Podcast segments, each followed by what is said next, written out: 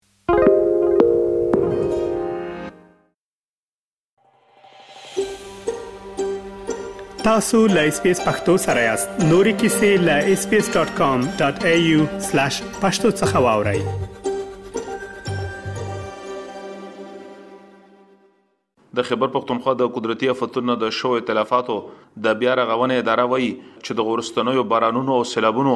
تر ټولو ډیر زیان د خېبر په لوړګي سیمه کې ځایي ولسونو ته اړولې دي چې لامل یې د خلکو کورونه ویجاړ شوي دي د تګ راتګ لارې ورانې شوي دي او دا شان ځنې تجارتي مرکزونو ته هم زیان اوړېدلې دي اداره وایي چې دوه تنانو خپل ژوند پکې د لاسه ورکړي دي او یو مال وړونکې گاډي هم په سیلابي اوبو کې بهېدلې دي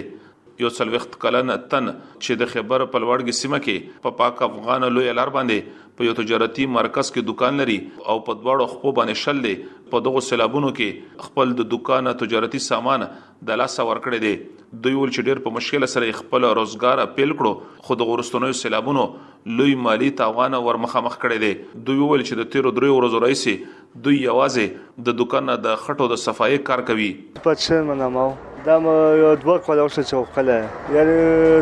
پیسې خو مو ګډې وتل لکه روپۍ مو پکې لګلې نو دلته مو بجلی سامان خرڅال او ګیس او غنم او جوار ول بشه دغه شی نه مو خرڅال ای مو خپلې ګزاره روانه وی. ته جی بس ووت خپل مجبوری و بس بل څه کومونه بس خپل ووت بس دکان مې ځنه و نو زه په کور کې وم دغه تصویرونه مرګري راولګل دغه سي دکان په وبو کې ډوب دی او څنګه چې الله مو چې بس مو خو اطلاع نشو پاس کمرو ته نوسو بس یې لن کړو چې وب کم شي بیا ولر خوش بس بیا ټول دکان په خاطر کې پټو دوه دوه پټه خاطر کې ولر دوه پټه هغه وبو ډاکو او یو نیم پټ پکې خاطر نه نه اوبه ډېرې زیاتې دي اوس بجلی تارونه مغه خراب شوي او وربشه او جوار او د بجلی سامان او د ګیس پیپې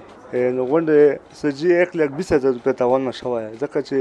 پنځه هزار روپۍ خولي تارونه راولي او د درې مزمکي تلو پیپې عیب کړي اړالي و دغه لانټر پیټنګ سامان راوړی و سه لک دای را ټول واله او میخونه مې غونډ 15000 روپۍ راوړي نه چې غونډ مکړل دغه خراب کړ د انور خان کور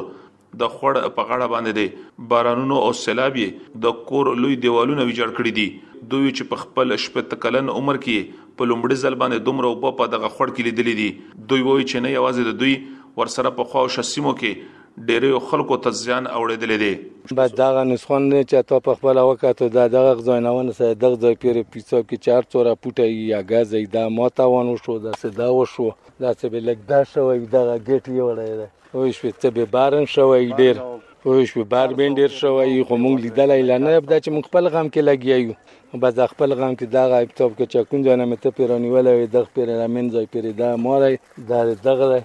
هغه مدی دی یو سړی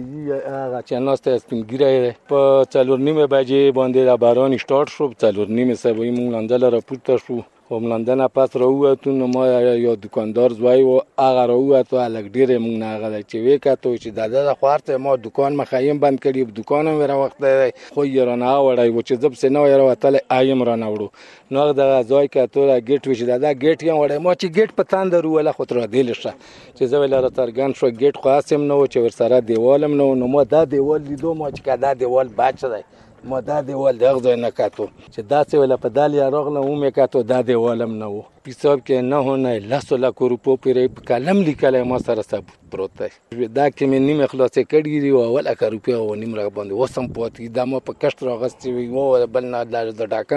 ګډ نه بشخت کم د لهر کم نه موټر شته نه مې لارې شته نه مې جاش شته خورې مزدوري لاس مشکات کم د قدرتي افتونو د شوو اتلافاتو د مخنیوي اداره وایي چې د سېلابونو له امله په خېبر کې کوم زیان رامخې ته شوی دی نو د هغې ترمخه د دوو تنانو د وژل کېدو او دغه شانتې د اتو کورونو د ویجاړ کېدو معلومات مخې ته راغلي دي. د شوو اتلافاتو په اړه باندې د ادارې یو چارواکي زیاته کړه چې د سېلابونو نه د شوي زیان په اړه معلومات د ځایي چارواکو نه ترلاسه کېږي. او اوس هم خلک کولی شي چې د خپلو ائتلافاتو په اړه باندې د ځايي چارواکو سره خپل نومونه ثبت کړي. بیا ځايي چارواکي وايي چې تر دېرشو پورې خلکو د دوی سره تماس نیولی دی چې کورونه یې په بشپړه توګه ویجاړ شوي دي. چارواکي زیاتوي چې ډېر زر به په سیمه کې د شوو ائتلافاتو په اړه باندې ارزاوي یا د سروې کار پیل کړي.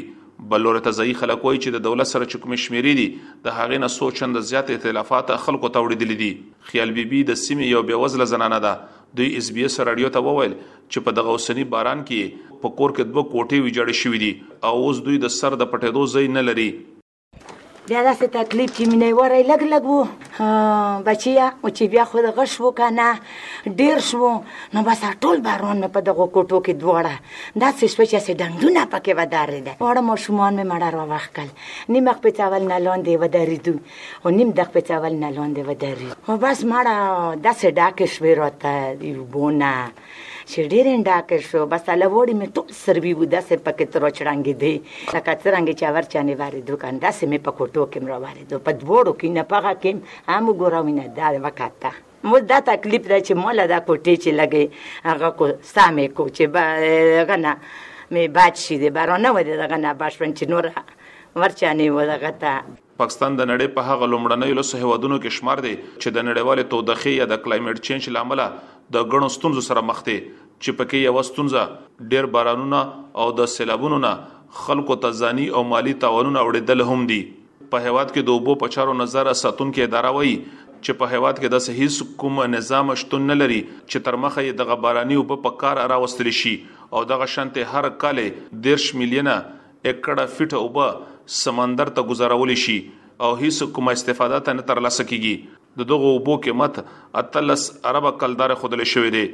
په نړیوال کچ باندې د باران څلويخت سلنه اوبه خوندي کیږي خو بیا په پاکستان کې دغه په سلو کې لس برخې دي خو بیا په هند کې دیرش سلنه اوبه خوندي کیږي او د سره د ځمکې لاندې د اوبو زیرمې سیوا کیږي اسلام ګل افریدي اس بي اس رادیو پیښور